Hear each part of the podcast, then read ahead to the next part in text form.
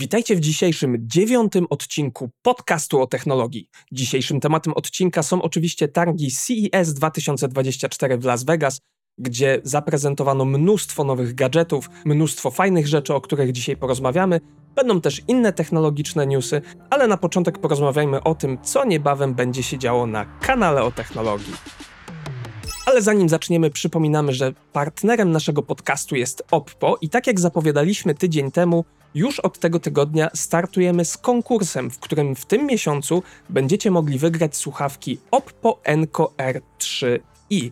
Niby są to słuchawki TWS z segmentu ekonomicznego, ale ich specyfikacja daleko wykracza poza podstawowe funkcjonalności. No i w dalszej części odcinka będzie pytanie, jeżeli na nie odpowiecie wysyłając do poniedziałku maila na adres zapytaj kanał o technologii małpa gmail.com, no to wybierzemy najciekawszą odpowiedź. Autor tej najciekawszej odpowiedzi wygra te słuchawki. Słuchawki bardzo fajne, kosztujące 250 zł, a jak wiadomo, mieć 250 zł i nie mieć 250 zł to jest 500 zł, no więc można powiedzieć, że tak jakbyście pół tysiąca wygrali. A jeżeli mówimy o poniedziałku, pamiętajcie, że chodzi o poniedziałek 15 stycznia. Właśnie do tego terminu możecie wysyłać nam odpowiedzi na pytanie, które będzie na końcu podcastu. Jest to oczywiście z poniedziałkiem włącznie, ale dodam tylko, że w tym odcinku wyjątkowo mamy dla Was do wygrania aż dwie pary słuchawek, no bo w zeszłym tygodniu jeszcze nie mieliśmy słuchawek do rozdania, więc w tym tygodniu rozdajemy dwie pary słuchawek. Od przyszłego tygodnia będzie to jedna para na odcinek, także dziś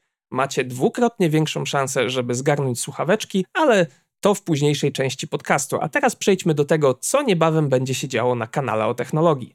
Słuchacie podcastu o technologii.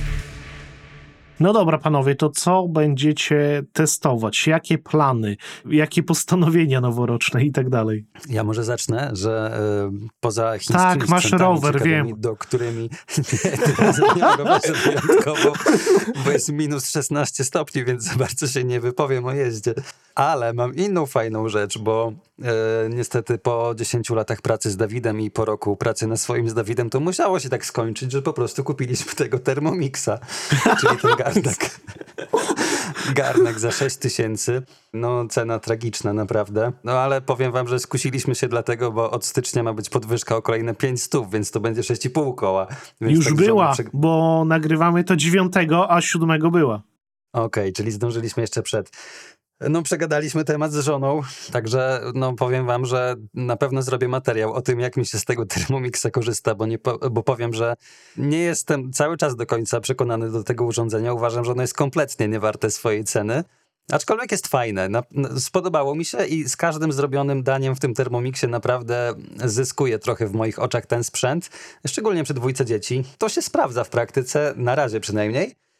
Także zobaczymy. No, myślę, że to będzie ciekawy materiał z punktu widzenia takiego zupełnie nie e, termomixowego frika, a raczej z punktu widzenia może nie hejtera, ale osoby zdystansowanej bardzo mocno do tego sprzętu. Także już teraz zapraszam na kanał o domu, e, zasubskrybujcie na YouTubie i niedługo będzie odcinek. Ja tutaj dodam od razu, że chciałbym y, albo razem nagrać ten odcinek z Marcinem, albo po nim nagrać swoją perspektywę, bo ja z kolei mam Thermomixa od czterech lat. Jak Marcin mi opowiada, że no, moja Karolina to robi codziennie inną zupę i ta zupa jest super. I ja sobie przypominam, co u nas się działo, jak Thermomix się pojawił. Właśnie było dokładnie tak, przez długi czas, powiem wam, a teraz to ten Thermomix jest używany tak rzadziej, bo się opatrzył, się ostał, spłacił się już, można powiedzieć, więc używam go głównie ja, używam go rzadziej i wydaje mi się, że takie zestawienie dwóch perspektyw będzie naprawdę ciekawe. Jezu, jaką ja czuję w ogóle presję otoczenia, bo tu Dawid od lat naciska na Thermomixa, teraz jeszcze Marcin. Bo gotować nie umiesz. No właśnie, może czas nauczyć się gotować, a nie te Thermomixy. Dokładnie, garnek za 6 tysięcy złotych zmieni moje życie. Nie no, ale wy ciągle o tym gadacie, sąsiedzi ciągle o tym gadają, ale jeżeli ja się w końcu złamię, to proszę zamknijcie mnie w jakimś pokoju i dajcie mi czas ochłonąć, żebym tego jednak nie zrobił. Ale, Dawid, mówiłeś o postanowieniach noworocznych. Czyżbyś chciał zacząć robić zdjęcia analogiem? Chciałbyś umieć zrobić w domu pana kottę? Może chciałbyś, żeby ci bazylia nie zdychała zamiast chociaż jeden dolony dzień po stanie w oknie? Ja, Jezu, Łukasz, Łukasz zaczął słuchać rapu, tak o Hemingwaya, nie wierzę w to. Nie, Ja tylko tej jednej piosenki. Postanowień noworocznych zbyt dużych nie mam, ale powiem wam, że jeżeli chodzi o perspektywę tego, co się będzie działo, bardzo fajnie, bo Marcin ostatnio mówił, że za dużo sprzętu kupujemy, więc jak Marcin miał święta prawosławne, to co ja w sobotę zrobiłem?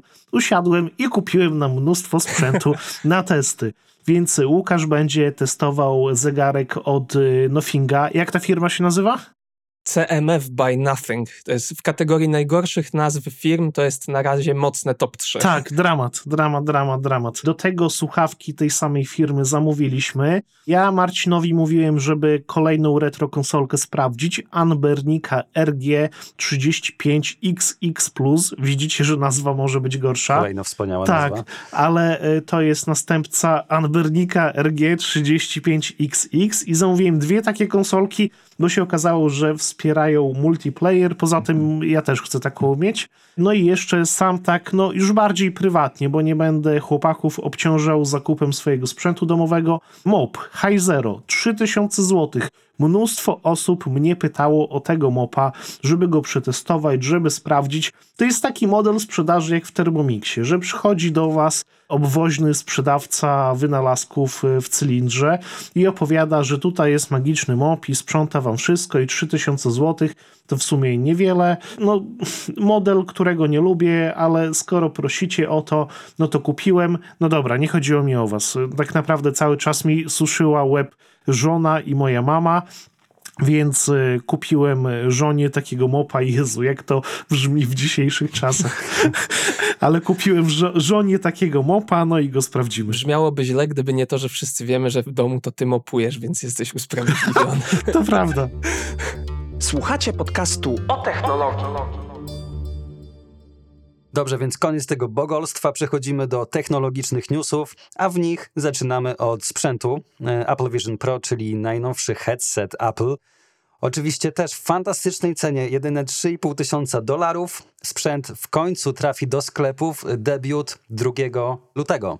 O ile mnie pamięć nie myli, Tim Cook o tym oficjalnie poinformował. Nareszcie po kilku miesiącach zwłoki ten sprzęt trafi do sklepów, na razie tylko w Ameryce w Stanach Zjednoczonych. No i ten sprzęt będzie można kupić w sumie podobnie jak te wszystkie Hi-Zero i Thermomixy, bo też trzeba będzie tym razem udać się samemu do sklepu, do Apple Store i tam pracownik firmy musi przeszkolić cię, musi ci dobrać odpowiedni rozmiar tych pasków i tak dalej i dopiero po tym szkoleniu możesz wyjść z tym sprzętem, oczywiście po uprzednim zostawieniu 3,5 koła dolarów. Więc y, co sądzicie o tych okularach i o tym modelu sprzedaży? Ja uważam, że Apple powinien zacząć sprzedawać odkurzacze i mopy właśnie i zapraszać tych wszystkich ludzi. Takie mopy, nie wiem, nie po 3000 zł, bo to bieda, tylko po 3000 dolarów i szkolenie powinno polegać na tym, że będą ludzie sprzątać im te salony i to już byłby całkowity upadek y, tego systemu sprzedaży. Od pandemii niesamowicie rozwinęła się sprzedaż internetowa. Ona działa, wszyscy chcemy z niej korzystać, a Apple mówi: Zapiszcie się na preorder, napiszcie kiedy będziecie, pokażcie, że macie 3,5 tysiąca dolarów, czyli jakieś 15 tysięcy złotych, no i zapraszamy łaskawie, sprzedamy wam nasze gogle AR, VR i tak dalej. A nie, sorry, Spatial Computing, czy jak to oni to nazywają. Tak, I, e, Spatial Computing. Tak, i wtedy łaskawie będziecie mogli kupić od nas sprzęt. Dla mnie brzmi to jak parodia, pomijając fakt, że to ma działać ile? Dwie godziny, dwie i pół godziny. No na tym filmu nawet y, dłuższego nie obejrzysz. Nie daje temu jakiejkolwiek przyszłości. Ja wiem, wszyscy mówią okulary, rozszerzona rzeczywistość, działający cały dzień, ale to będzie kiedyś. I kiedyś będziemy się z tego rozwiązania cieszyć. I gwarantuję Wam, że tego rozwiązania nie wprowadzi Apple, tylko jakaś inna firma, o której nawet dzisiaj nie wiemy. Tak samo jak większość z nas znała Apple, ale nie postrzegała go e, w latach 2000 jako firmy, która naprawdę definiuje rozwój. To, że oni wprowadzili iPoda, iPhone'a, iPada i tak dalej, nic obecnie nie znaczy. Zbyt dużo czasu minęło. Inna firma dokona tego przełomu. Ja o goglach Apple Vision Pro mam takie zdanie, jak mówiłem w poprzednim odcinku i podobnie jak Dawid uważam, że pierwsza generacja nadaje się co najwyżej do obśmiania, bo nikt z tego na dłuższą metę korzystać nie będzie. Kupi to garstka bogoli, kupią to najwięksi entuzjaści. A nie mów y tak, bo ja szukałem biletów do Nowego Jorku do teściowej. Ku, ku, kusiło, no kusiło mnie. Zgadza. Niestety kusiło mnie. do definicji. Nie, ja chciałem tylko do nagrania, do obśmiania właśnie. Ja bym nawet innym youtuberom pożyczył, bo tego pewnie nigdzie nie będzie, ale wydaje mi się, że to jest tylko gadżet właśnie dla youtuberów. Ale swoją drogą ciekawe, kiedy to będzie w Polsce. E, myślę, że bardzo, bardzo nieprędko z tego prostego no względu, ile tam technologii opiera się o interakcję głosową. Siri. A właśnie e, Siri w języku polskim jeszcze nie przemówiła. No ale ad meritum. E, mówiłem w zeszłym tygodniu właśnie, co sądzę o tych goglach, więc tutaj nie będę się już powtarzał, ale uważam paradoksalnie, że decyzja Apple'a o modelu sprzedaży stacjonarnym jest jak najbardziej słuszna. Ja miałem przyjemność kilka lat temu być w siedzibie Microsoftu w Seattle i przymierzyć e, te ich gogle HoloLens. I wiecie, wszedł, podszedłem do tematu na kozaka, że ja to wiem, jak tu wszystko zrobić i tak dalej, a guzik wiedziałem, wiecie, w dupie byłem, gówno widziałem, nie umiałem tego za nic obsłużyć i tak, no tu jestem na co dzień i tu się już e, rozgościłem. Ale w, e, nikt, kto był na tym pokazie, a byli tam sami naprawdę wyjadacze, nie umiał obsłużyć tego, bo to jest tak bardzo różna forma interakcji od tego, do czego jesteśmy przyzwyczajeni. I wyobraźcie sobie teraz, że Apple rozsyła taki produkt za 3,5 tysiąca dolców. Nowa kategoria produktowa, oni rozsyłają to na pałę do dziennikarzy, do klientów i ludzie nie potrafią tego obsłużyć poprawnie albo mają jakieś problemy z konfiguracją. Wyobraźcie sobie, jak zły PR by to zrobiło dla Apple'a. Więc wydaje mi się, że ta konieczność właśnie przyjścia do sklepu, po pierwsze, przeszkala potencjalnych klientów, po drugie, wystawia na ten produkt większą liczbę ludzi, bo też na pewno masa ludzi przyjdzie, przymierzy i nie kupi i przyjdzie właśnie z zamiarem tylko przetestowania. Więc ludzie będą mogli, że tak powiem, przyjść i posłuchać propagandy na miejscu, a to jest zupełnie inne doświadczenie posłuchać tej e, propagandy sprzedażowej z ust wyszkolonego pracownika niż z reklam. Więc e, Apple doskonale wie, co robi, sprzedając to tylko stacjonarnie, no ale niestety z racji sprzedaży stacjonarnej, z racji właśnie e, tych technologii, które są często jeszcze niedorozwinięte poza Stanami Zjednoczonymi, Myślę, że bardzo nieprędko zobaczymy te gogle gdziekolwiek. A też widziałem w ogóle y, wpis Queena Nelsona na Twitterze, że jest jakieś zamieszanie y, z testami tych gogli, że jeszcze nie wiadomo, kiedy się te testy ukażą, że w ogóle bardzo wąskie grono ludzi dostało te gogle na dłużej, mimo tego, że od ich debiutu minęło 7 miesięcy. A to źle wróży zawsze. Ale Łukasz, wiesz o co chodzi z tymi testami u Apple'a.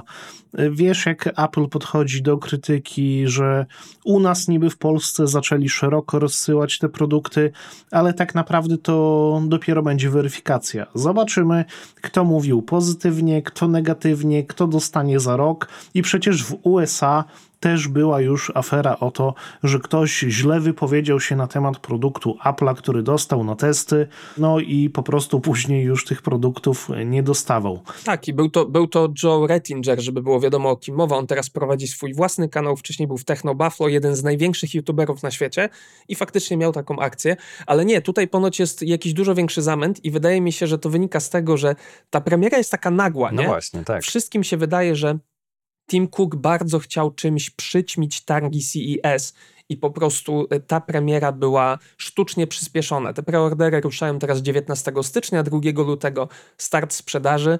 No zobaczymy. Wydaje mi się też, tak jak inni piszą, że ta premiera była sztucznie przyspieszona, że Apple tak naprawdę jeszcze nie jest gotowy na rozpoczęcie sprzedaży i stąd ten cały zamęt. No zobaczymy. Ja trochę jestem, powiem wam szczerze, smutny, trochę rozczarowany, że tak naprawdę obejrzymy dopiero materiały o tych okularach właśnie na YouTubie, że nie będziemy mogli sami tego doświadczyć, sami przetestować i tak dalej.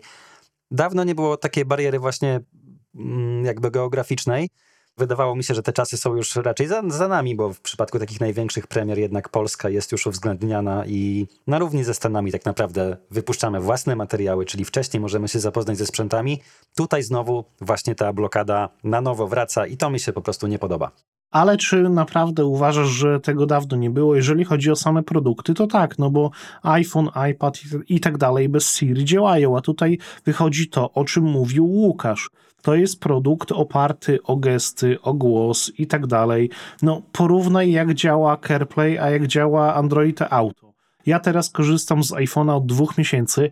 Świetny sprzęt, prawie bezproblemowy, chyba że jest minus 15 stopni jak ostatnio i mi się rozładuje w pół godziny ale ja widzę, że w samochodzie na przykład to jest paździerz w porównaniu z telefonami z Androidem, nawet najtańszymi. Nie ma asystenta Google działającego po polsku. Chcę zadzwonić do jednego albo do drugiego z was, to mówię call to Łukasz Kotkowski. To mi odpowiada I'm calling to Łukasz Kotkowski. No ja mam za każdym razem z tego bekę. To nie jest w ogóle przygotowane dla polskiego użytkownika. Ale widzisz, no to co mówiliśmy w poprzednim odcinku, że Apple już nad tą Siri polską pracuje i tak dalej i mogliby w jakiś sposób to wprowadzić, bo iPhone rozumie język polski, rozumie dyktowanie po polsku, nawet te głupie telefony rozumie, bo też polskie nazwiska od jakiegoś czasu już po prostu rozumie. Jak ja powiem call Dawid Kosiński, on wie do kogo ma zadzwonić. Dobra, ale odpalasz Apple Music i jak y, mówię, że odpal y, kwiat jabłoni na przykład i Google ale wie, żeby odpalić kwiat tak, jabłoni, właśnie o tym miałem mówić a jedyne co rozumie Apple Music to y, play tako Hemingway on Apple Music. No jest fajnie, super. ale właśnie problem też rozumie, mimo tego zapisu 8.3 w nazwie. No ale dobra, mniejsza z tym, panowie, to już chyba mamy przegadane. Teraz drugi news. Y, drugi news, który chyba trochę nas boli, y, boli też być może naszych fantastycznych słuchaczy, bo Spotify podnosi ceny za abonament, za usługę. Plan rodzinny podrożał. Łukasz, może powiedz coś więcej na ten temat. Jasne, podrożał nie tylko plan rodzinny, podrożały wszystkie programy i po kolei mamy tak, podwyżkę pakiet Premium Family z 29,99 na 37,99, pakiet Premium Individual wzrośnie z 19,99 do 23,99, a pakiet Premium Duo z 24,99 do 30,99.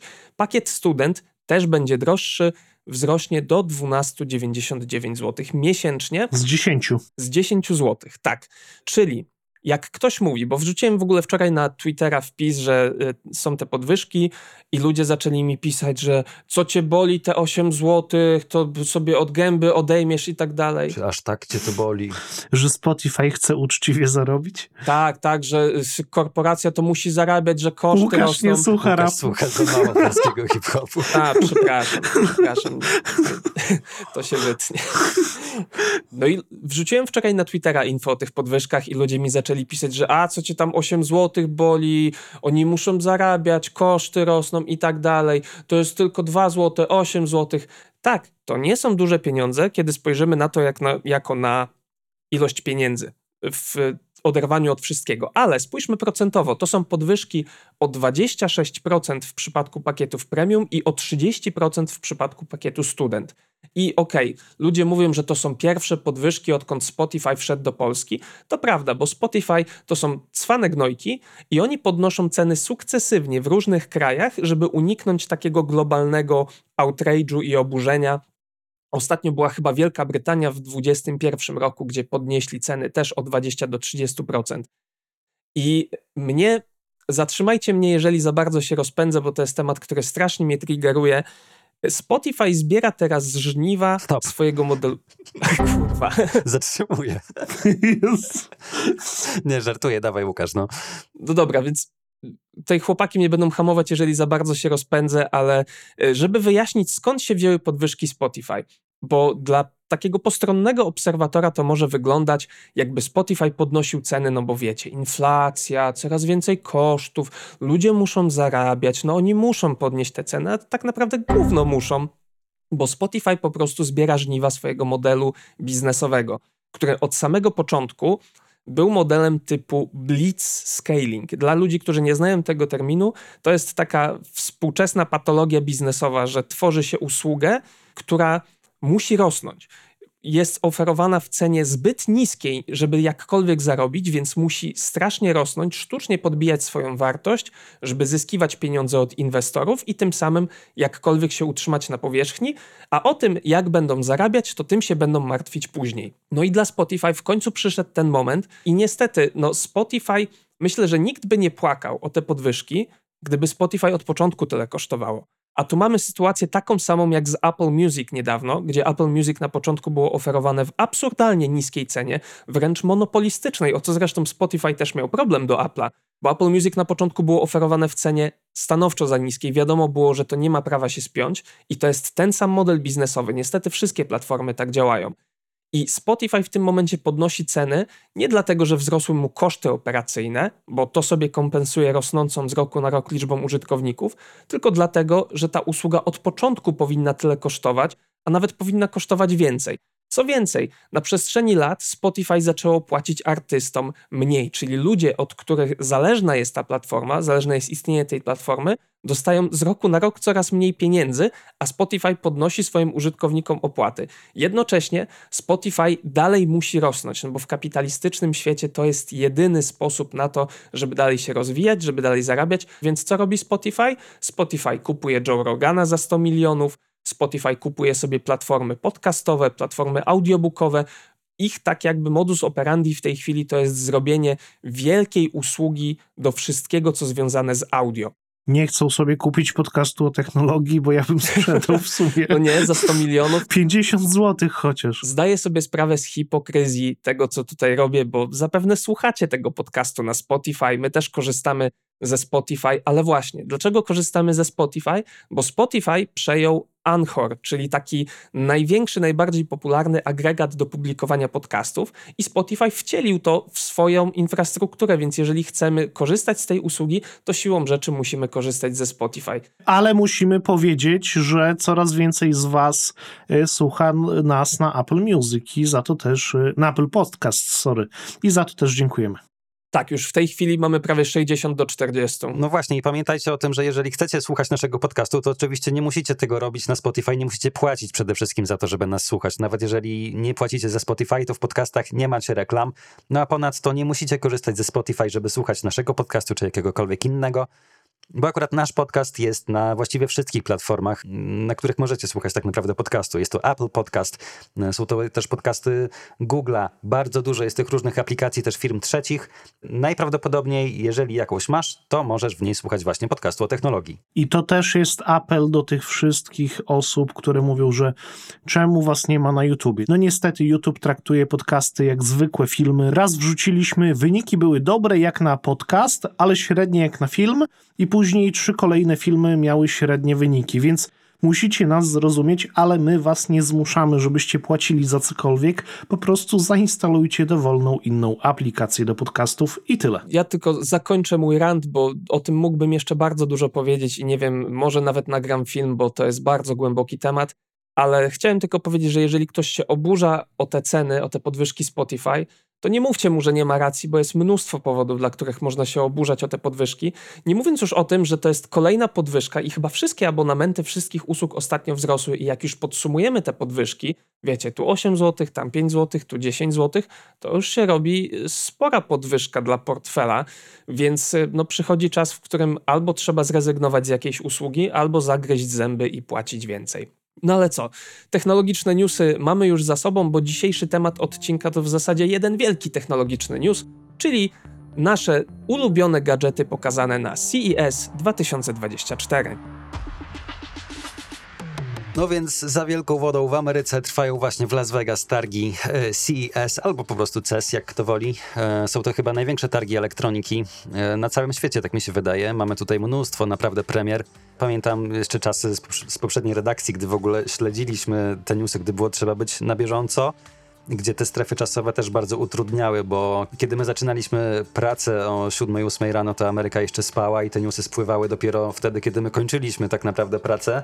Bardzo mnie to irytowało. Także cieszę się ponownie, że nie trzeba już y, tych wszystkich newsów spisywać i tłumaczyć tak naprawdę na język polski.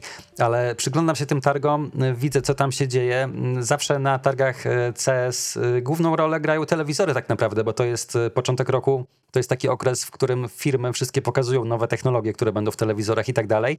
Natomiast mnie bardziej ciekawią właśnie różne gadżety i różne sprzęty, które mm, trafią też w przyszłym, właściwie to w tym roku, do sprzedaży. I myślę, że takim jednym z najciekawszych sprzętów jest MSI Claw czyli taki nowy handheld. Trochę podobny do tego, co pokazał Asus ROG Li. Bardzo jest podobny, jeżeli chodzi o wygląd urządzenia.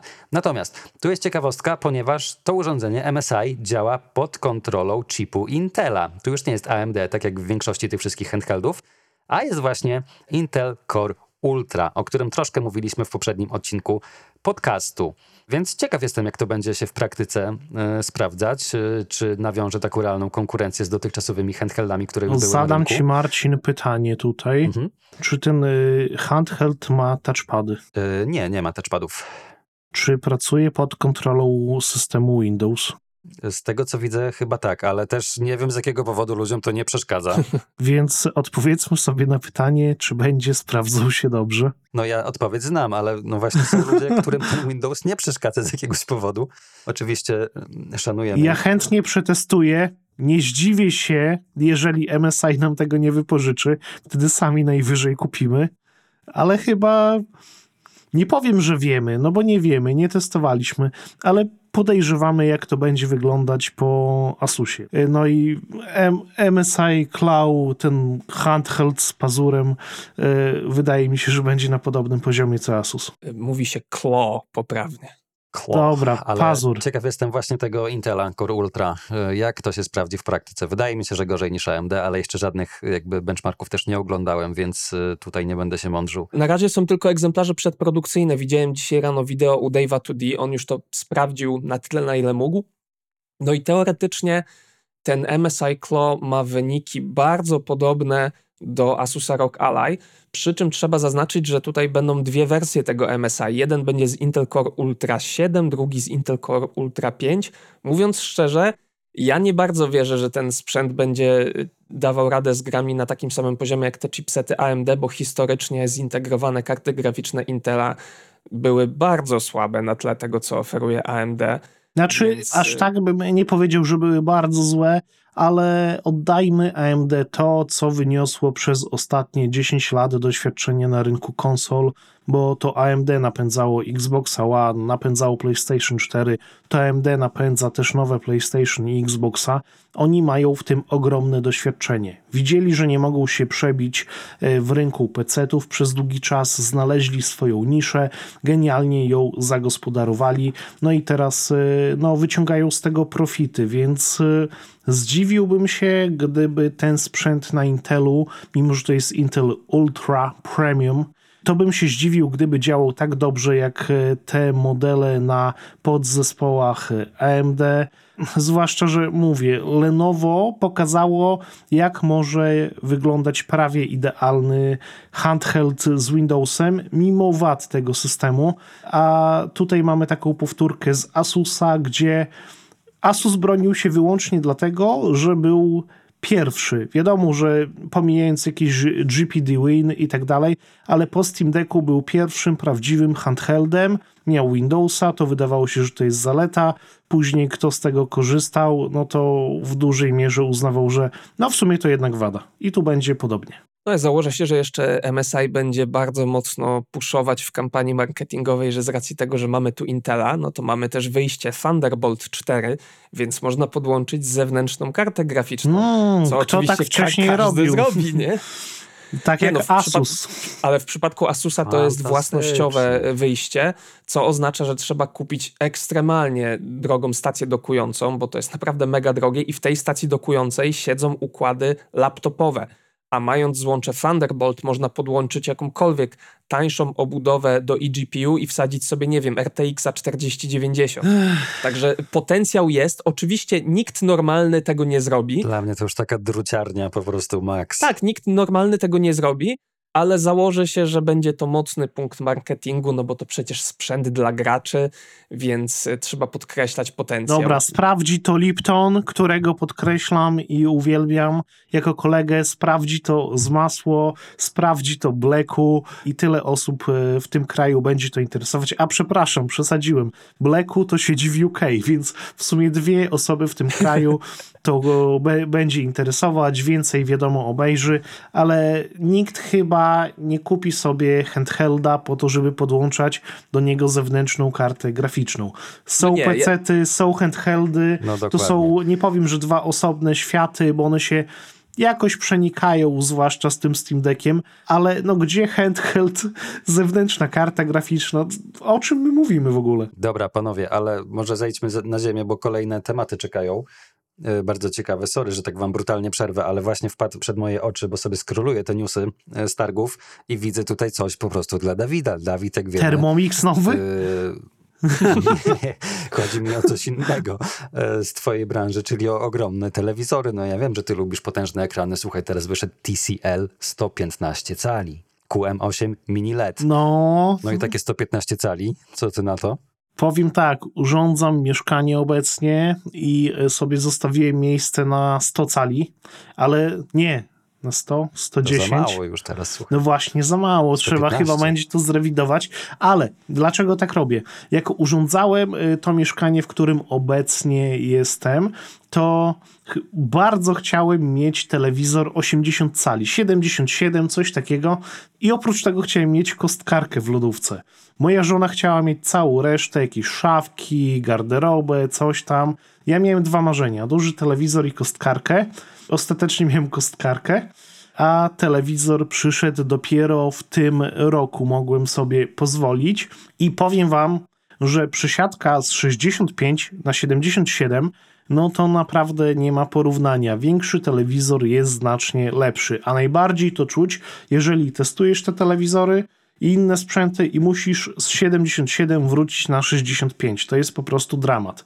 Więc ja uznałem, że na swoim nowym miejscu będę chciał mieć wnękę na naprawdę duży telewizor. Popatrzyłem, że są jakieś TCL, -e. wiadomo, że jakieś tańsze modele, oczywiście nie tanie ogólnie, tylko e, tanie względem innych takie, kurwa, przystępne cenowo. Nie wiem nawet jakiego słowa użyć, bo to jest nadal 10-11 tysięcy złotych. O, mniej drogie.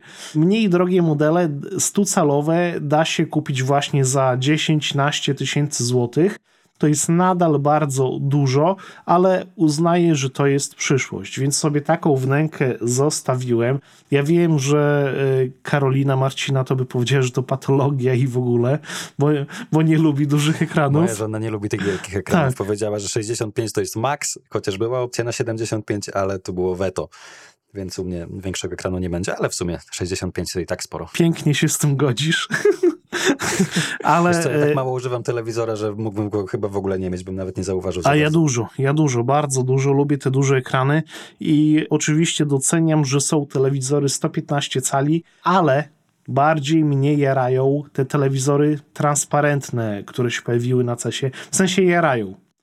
W życiu bym takiego telewizora nie kupił bo to się wydaje taki gadżet do jakiegoś salonu Diora czy innej firmy jakiejś modowej, perfumowej i tak dalej.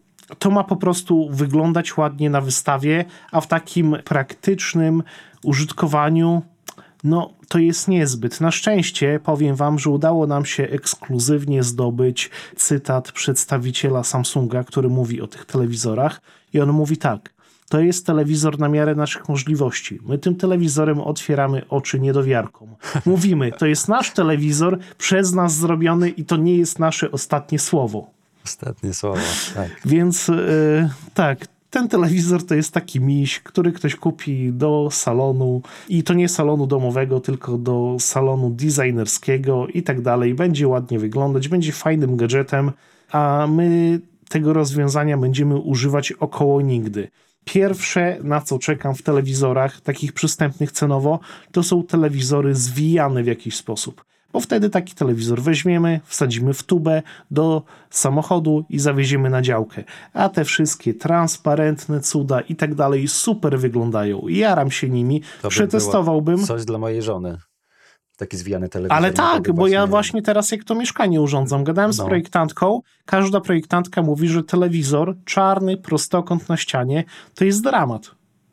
Bo tego po prostu, no, musisz to mieć, ale nie da się tego zagospodarować w żaden sposób. Są jakieś Samsungi The Frame i tak dalej, a taki transparentny telewizor dla projektantki super, jeżeli tobie ogarnia mieszkanie, ale jak masz sam używać, no to ja jednak wolałbym model tańszy, klasyczny po prostu. Łukasz, znalazłeś coś ciekawego na targach? Znalazłem, ale nie są to telewizory, bo jakoś tak wiecie co, 10 lat telewizora nie miałem, teraz mam i dalej e, uważam, że mógłbym bez tego żyć i jakoś nie wzbudza to we mnie większych emocji, ale mam dwie nowości, które naprawdę mi się podobają. Pierwsza taka klasyczna bardziej, nowe laptopy od Asusa. Ja bardzo lubię tą serię Zephyrus e, G I w tym roku... Genialna jest. I Asus pokazał Asus znowu. Asus. I Asus w tym roku pokazał chyba najlepsze odświeżenie w historii tej serii. Ale nie, Łukasz, miałeś rację. Tak? Asus pokazał podwyżki y, cen składek. To, to na, na, targach y, urzędów skarbowych. Ale wracając do tematu. Zephyrus G14 i G16 doczekały się odświeżenia i powiem tak, testowałem wszystkie poprzednie generacje tych modeli i to jest bezwzględnie najlepsze odświeżenie do tej pory. Te laptopy teraz zupełnie inaczej wyglądają. Mają zupełnie inną konstrukcję. One zawsze były takie na przecięciu laptopa gamingowego, biznesowego, a teraz są troszeczkę jak MacBooki, może bardziej jak Razer Blade, tyle że z wielkim paskiem przez środek e, klapy, na którym wyświetlają się różne grafiki, no ale to tam pomińmy to.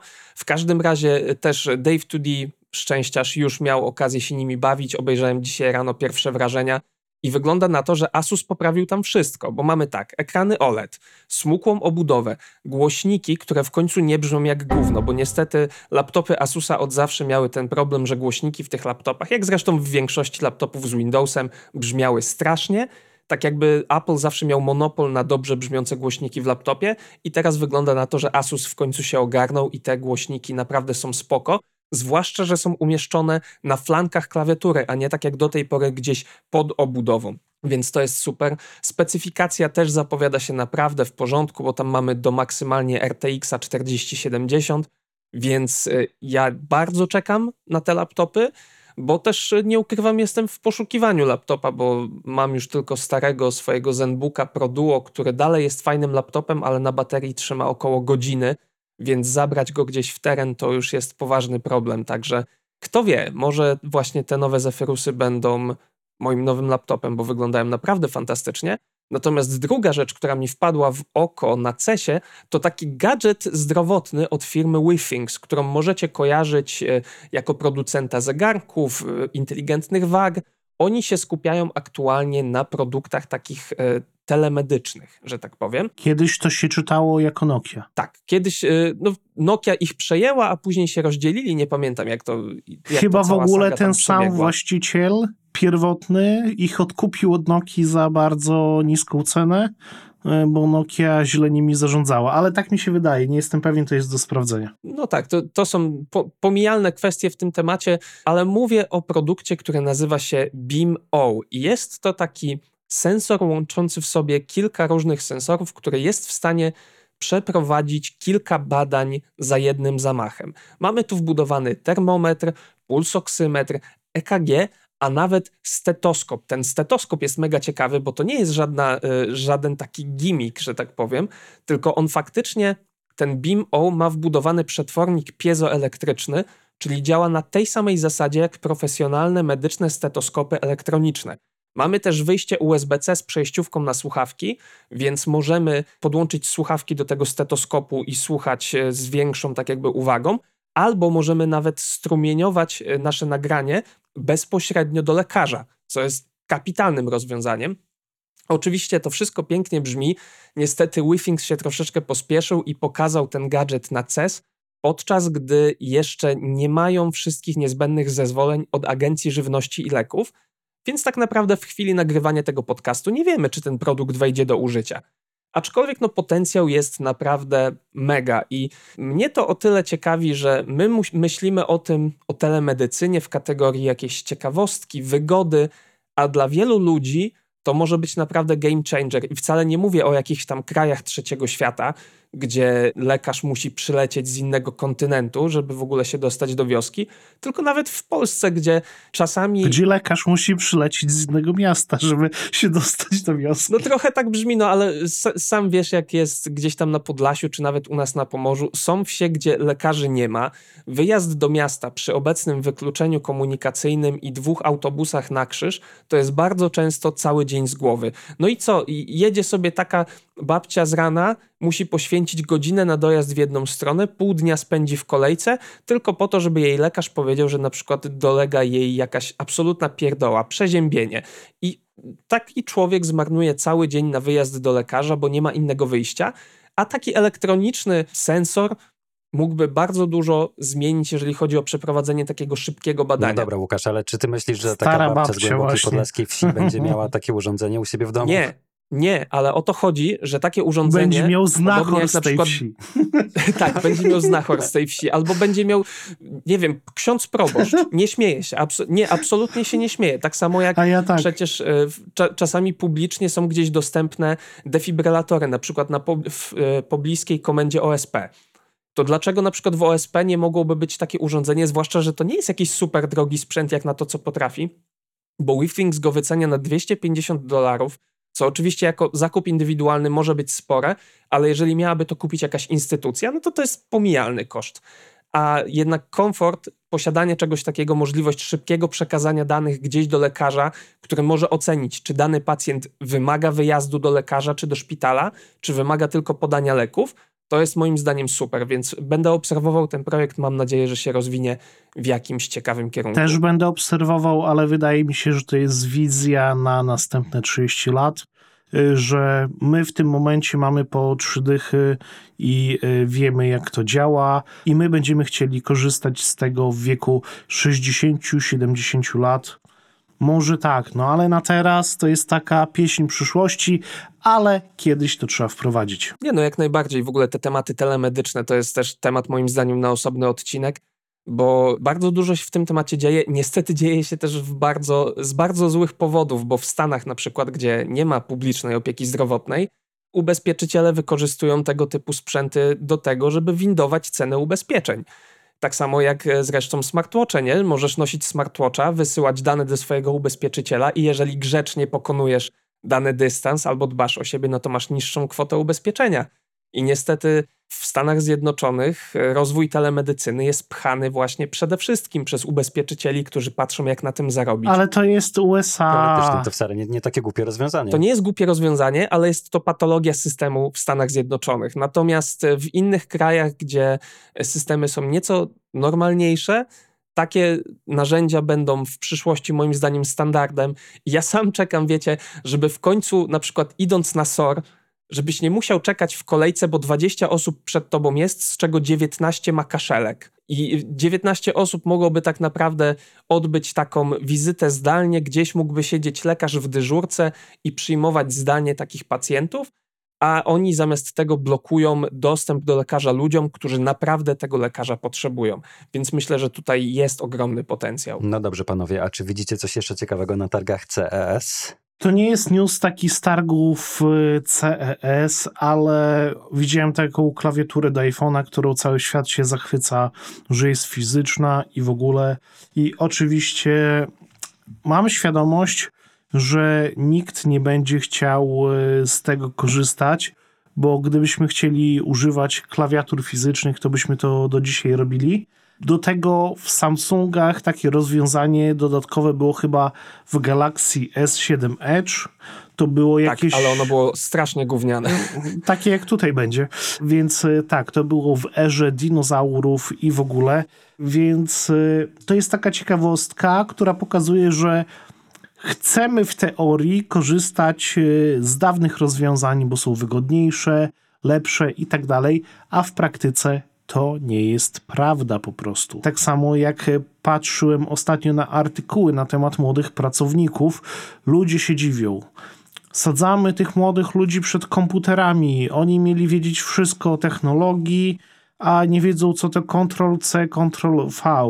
A ja mam y, na to jedno proste rozwiązanie. Oni korzystają z iPhone'ów, z iPadów, z, ze smartfonów, z tabletów. No skąd ten młody człowiek ma wiedzieć, jak działa Windows? No i właśnie tak samo działa w tym przypadku. Część starych ludzi mówi, że oni by chętnie korzystali z klawiatury, ale niech ta klawiatura wejdzie na rynek i nikt tego nie kupi poza nami, Michałem Pisarskim, innymi youtuberami, żeby zrobić test i ostatecznie powiedzieć, że w sumie chujowe. Ja generalnie zgadzam się z Dawidem. Nie wiem, po co jest taki sprzęt. Nie chciałbym z niego używać. Te czasy klawiatur fizycznych są już za nami. Nie wiem. Wydaje mi się, że to taki sprzęt tylko dla jakiejś garstki geeków. A Jak najbardziej. I to jest, to jest sprzęt dla garstki geeków i od geeków, bo tak pozwolę sobie trochę cofnąć, bo Dawid nie powiedział, o co w ogóle nam chodzi. Mowa o klawiaturze i startupie, które nazywa się Klix.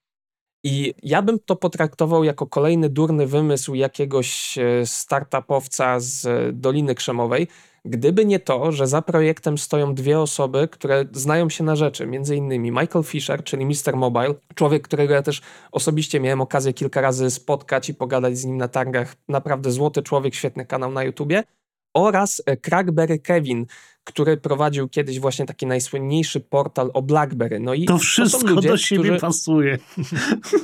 Nie no, jak, jak, najbardziej. No, y, to jest stworzone przez geeków. To stworzyła dwójka geeków, wpadła na pomysł stworzenia startupu, który wyprodukuje gadżet dla ludzi tęskniących za czasami BlackBerry. Ja do nich nie należę. Ja zawsze te klawiatury fizyczne uważałem za kompletnie zbędną rzecz i nigdy nie przekonałem się do pisania na BlackBerry ale y, w porównaniu do tego, jak na przykład działał ten gadżet od Samsunga, to Klix jest bardzo przemyślany i tam widać, że było wiele iteracji tego prototypu, zanim oni dotarli do tego produktu. Można zresztą zobaczyć na kanale Michaela Fischera, jak ten produkt powstawał.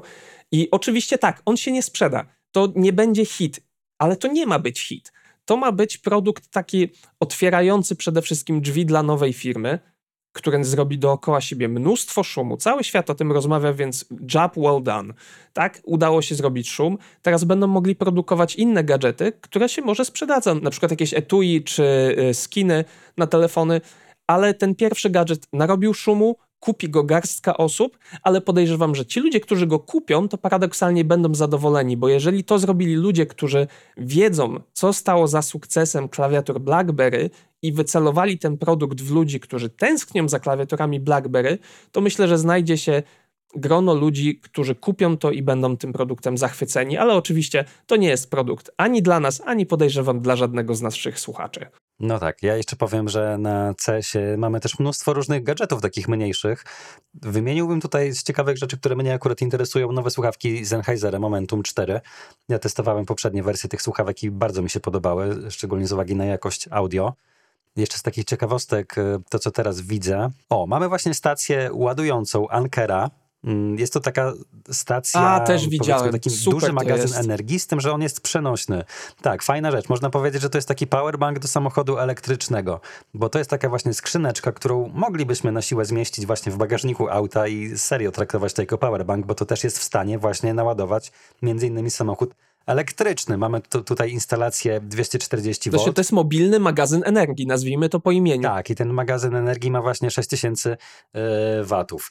Także no, fajna, yy, fajna rzecz. Mi się to podoba strasznie, bo to jest dość pojemny magazyn, który jest przenośny, i on kosztuje, ok, to się wydaje dużo, 4000 dolarów, ale jak spojrzycie ile... No właśnie to nie jest dużo. Właśnie, jak spojrzycie ile kosztują magazyny energii takie przydomowe, to to jest ułamek tej kwoty i ja mieszkam teraz w takiej wsi, gdzie bardzo często zdarzają się krótkie przerwy w dostawie prądu i intensywnie myślę nad tym, żeby założyć sobie magazyn energii, no bo jest to uciążliwe.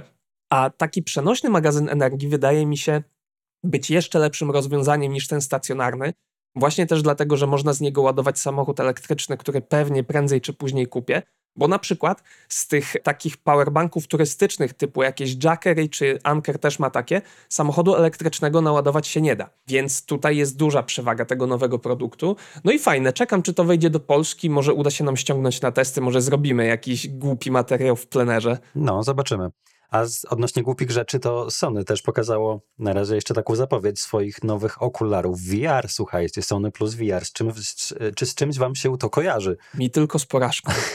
Dawid, ty masz e, PSVR dwójki. Jak tam twoje wrażenia co do nadchodzącego e, headsetu Sony? To ma być właśnie Spatial VR headset, czyli odpowiedź chyba na te okulary Apple, tak mi się wydaje. Więc mi się kojarzy z niczym. Mam PlayStation VR 2, który zresztą wypożyczyliśmy od Sony więc część z Was może myśleć, no to Dawid, teraz chwalić musisz, że jest fajne. No, jest fajne, ale nie jest fajne, bo sprzęt jak najbardziej ok, tylko co z tego sprzętu, jeżeli nie ma na to gier? Ja przyszedłem na tym Horizona VR-owego, jest fajne Gran Turismo, ale tak poza tym jeżeli ktoś na to wydał na premierę, ile to było? 2700, 3000 zł, jakieś chore pieniądze, no to znacznie lepszą opcją było kupienie e, Meta Quest 3, gdzie mamy po prostu mnóstwo gier, ta platforma jest rozwijana. Wiadomo, grafika nie jest tak dobra jak w przypadku PlayStation, bo nie jesteśmy podłączeni do Playaka, ale jak ktoś ma komputer, to w sumie może te Meta Questy podłączyć. No moim zdaniem coś bardzo mocno w tym PSVR 2 bardzo poszło nie tak, a tutaj mamy dodatkowe gogle do projektowania i chyba wydaje mi się, że wiem jak one skończą. Panowie, tak z innej beczki, bo wpadło mi teraz do głowy e, takie zestawienie targów. Po poprzednim odcinku widziałem pytania na, e, a raczej sugestie e, właśnie w komentarzach na Spotify, e, żebyśmy trochę zdradzali więcej kulisów naszej pracy, tak jak właśnie w poprzednim odcinku, gdzie opowiadaliśmy, jak wyglądał nasz pierwszy rok na swoim. Więc może chwilkę pogadajmy. Powiedzcie, y, czy żałujecie, że nie jesteśmy tak fizycznie na tych targach y, w Las Vegas, które teraz się odbywają?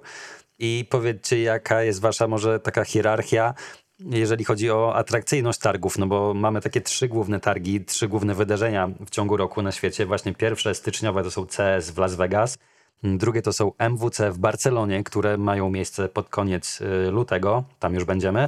No i mamy też IFE w Berlinie, która odbywa się zazwyczaj we wrześniu.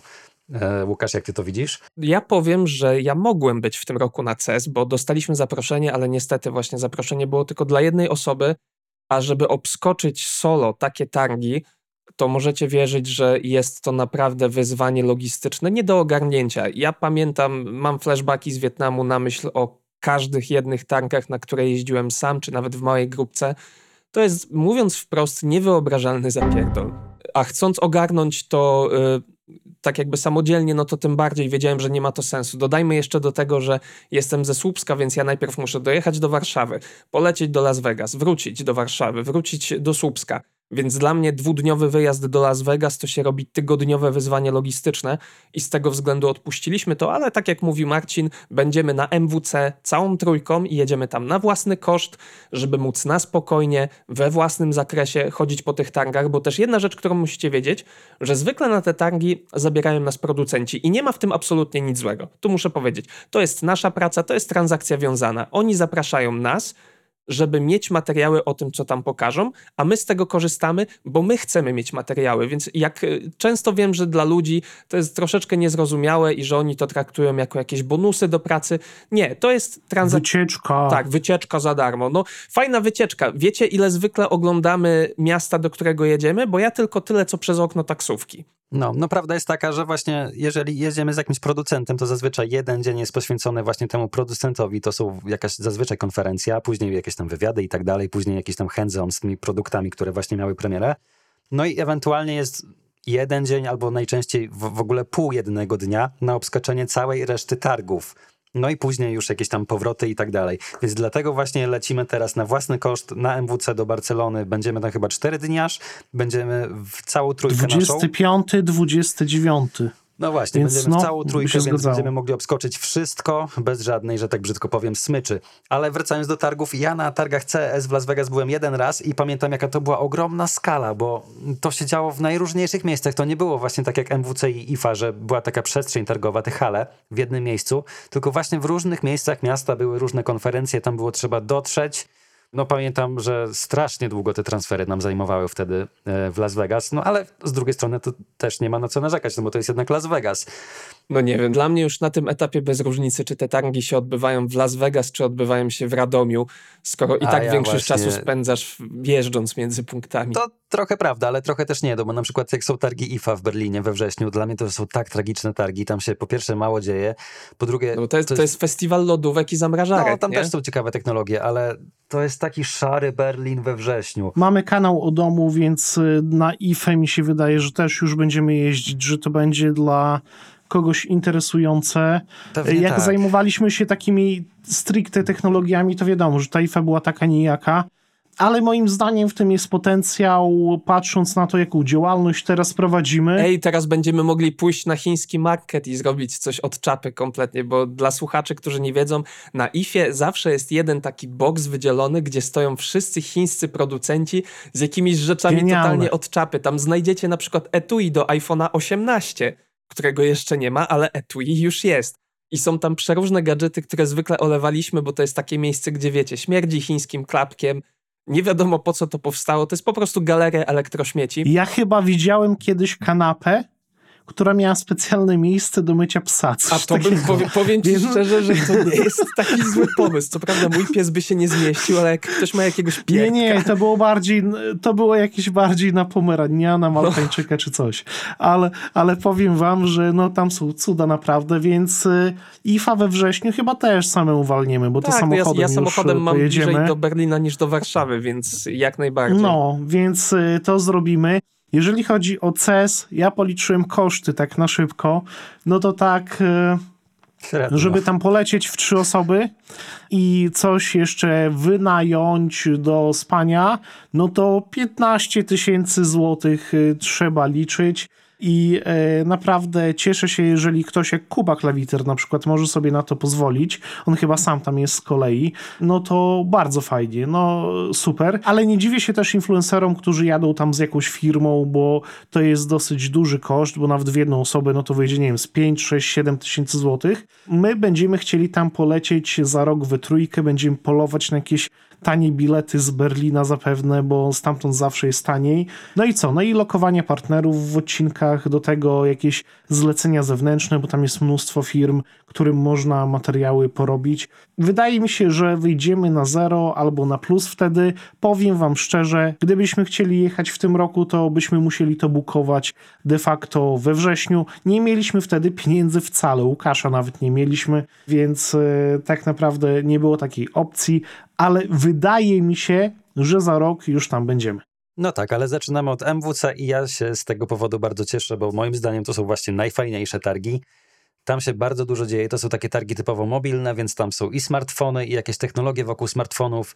Ostatnio też y, samochody elektryczne. A właśnie, ty pytałeś o ranking targów jeszcze. No, no to dla mnie święto chleba w Ciechanowcu, później MWC, później y, CES, a później IFA. O. No, u mnie później długo, długo, długo nic i na końcu IFA. U mnie też y, MWC jako pierwsze, później CES, choć nigdy nie byłem, więc mam nadzieję, że kiedyś się tam jednak dostaniemy i później na szarym końcu IFA, ale powiem wam, że w styczniu odbywają się jeszcze jedne targi, takie semi-technologiczne, targi NAM w Kalifornii i to są targi muzyczne z technologiami muzycznymi. Oczywiście wiem, że was to nie obchodzi i większości słuchaczy pewnie też. W ogóle. Ale dla mnie prywatnie, y, powiem szczerze, że bardziej czekam na te newsy z NAM, które, y, które się odbywa chyba od 28 stycznia, niż na to, co teraz się dzieje na CESie. W ten sposób Łukasz próbuje wydębić od nas miesiąc pobytu w USA.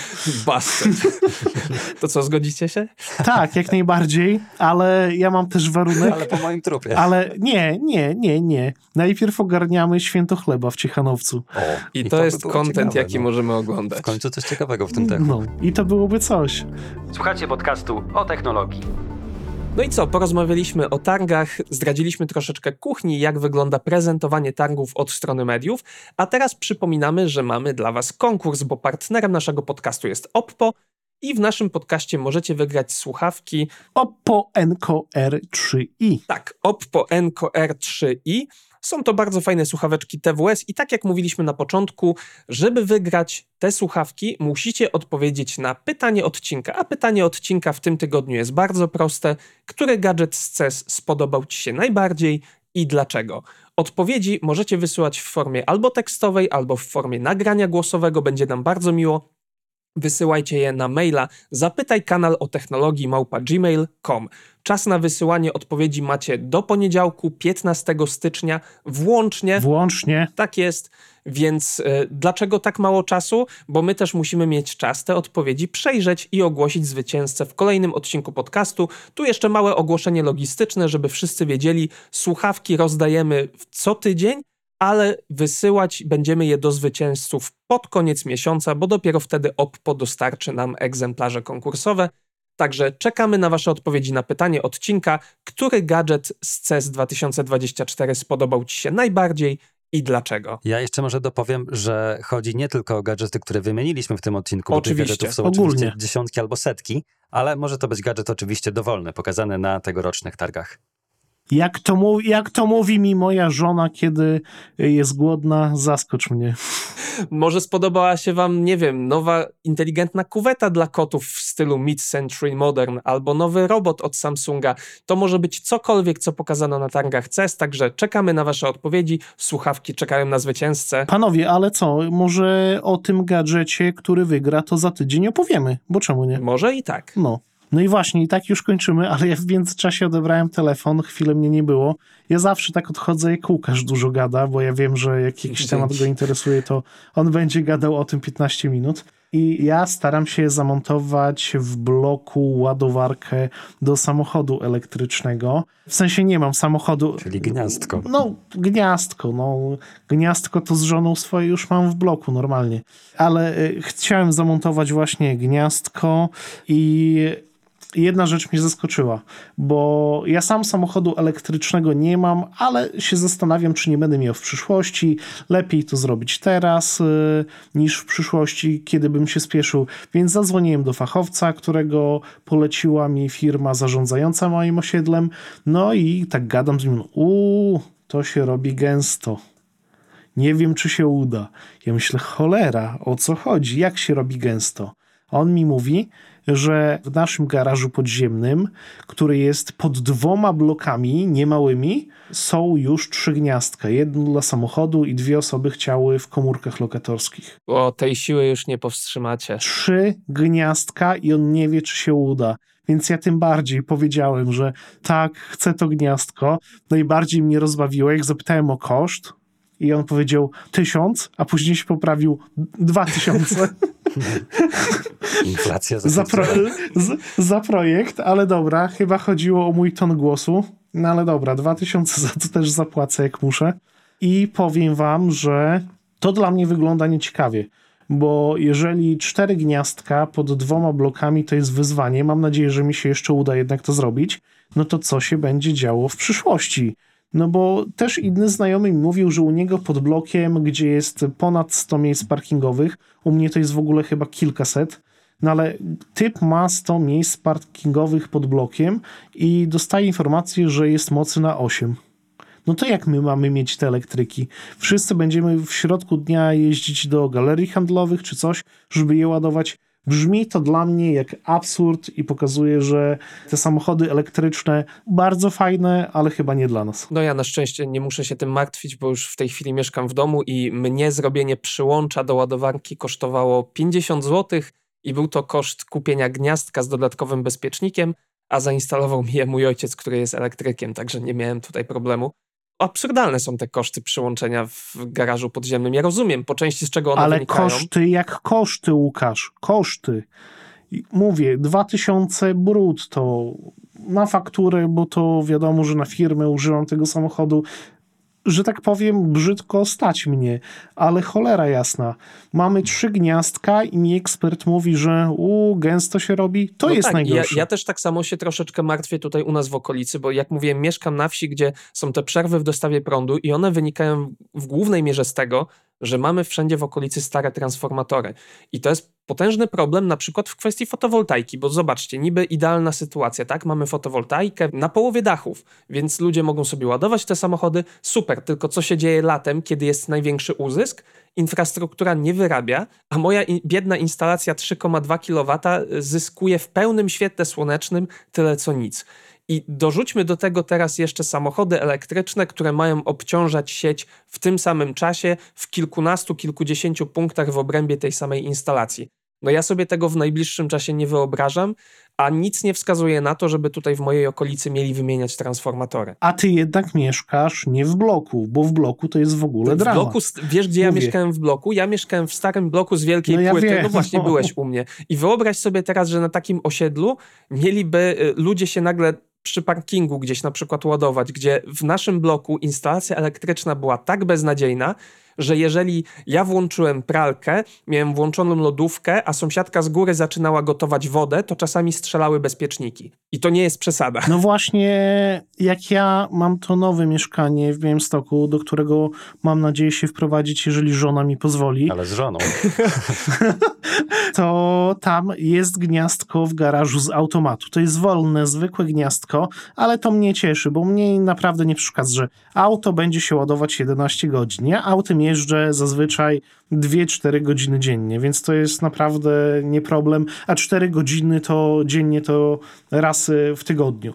Więc y, to mi wystarczy ale ja chciałbym też móc się naładować w Warszawie, skoro póki co tutaj mieszkam. Podejrzewam, że też wpłynie na wartość mieszkania, skoro, no mówię, to jest absurd. Dzwonię do gościa, środek Warszawy, ludzie mają pieniądze na te auta, chcę założyć gniazdkę i mówi, u, gęsto się robi, trzy gniazdka są, no kurde, w tym jedno, jedno na samochód.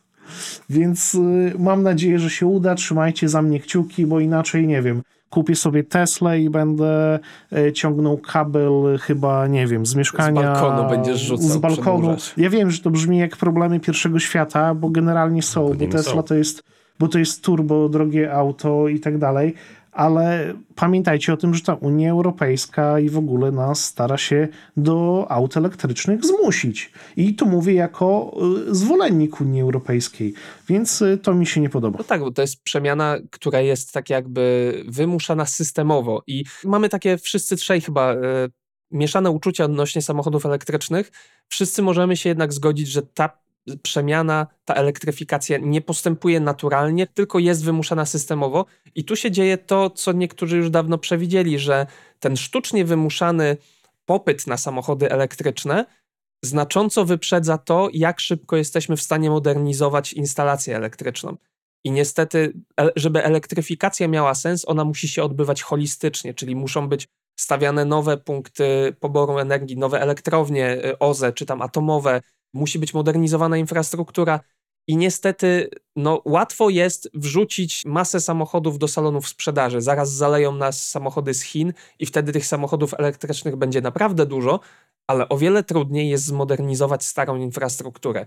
I to jest wyzwanie, którego mam wrażenie, nikt tam chyba jakoś poważnie nie przewidział. Dlatego, kochani, mówię wam, jak mieszkacie w miarę nowym bloku, tylko nie w Warszawie na woli, bo mi braknie mocy, to e, po prostu kto pierwszy, ten lepszy. Nikt tu nie zapłacił za reklamę czy coś, za jakiś lobbying ale ja sam po sobie widzę, że to się robi ogromny problem. Jeżeli macie możliwość jeszcze założenia gniazdka elektrycznego do samochodu, to zróbcie, bo tej mocy po prostu braknie w pewnym momencie i większość ludzi obudzi się za 6, 7, 8 lat albo i za rok, skoro już mi teraz mówił, że robi się gęsto i nie będą mogli po prostu tego zrobić. A Wygoda posiadania auta elektrycznego jest taka, że masz ten dystrybutor z benzyną, tylko elektryczną, pod swoim domem albo obok swojego domu. Innej wygody tak naprawdę nie ma, więc y, kto pierwszy, ten lepszy. To ja wam jeszcze tylko opowiem anegdotkę, bo co innego kwestie z infrastrukturą, ale wiadomo, dookoła elektryków też narosło dużo mitów, zwłaszcza, że one się tam palą na potęgę. To jest oczywiście mit. Głupota, nie brnijmy w to, ale jest to mit, którym głupie media tak rozpowszechniły, że kiedy ostatnio miałem u siebie samochód elektryczny na testach, już któryś z kolei, bo ja cały rok testowałem te samochody, któregoś dnia przyszedł do mnie sąsiad mieszkający dwa domy dalej, śmiertelnie poważny i pytał mnie, czy ten samochód jest mój, albo czy ja zamierzam kupić elektryka w najbliższym czasie, bo on właśnie przedłuża ubezpieczenie domu i on musi wiedzieć, czy powinien wykupić dodatkowy pakiet ubezpieczenia na wypadek pożaru. I to nie był żart. I niestety. Y, w... A lubisz tego sąsiada? Lubię, no.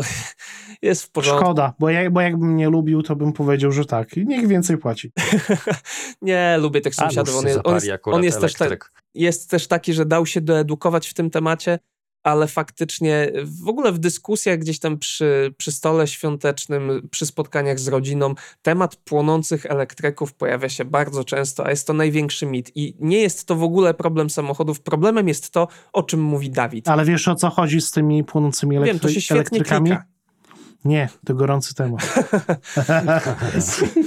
Dawid, im robisz się starszy, tym więcej wody potrzebuje do każdej rozmowy z tobą. Właśnie mi się już skończyła.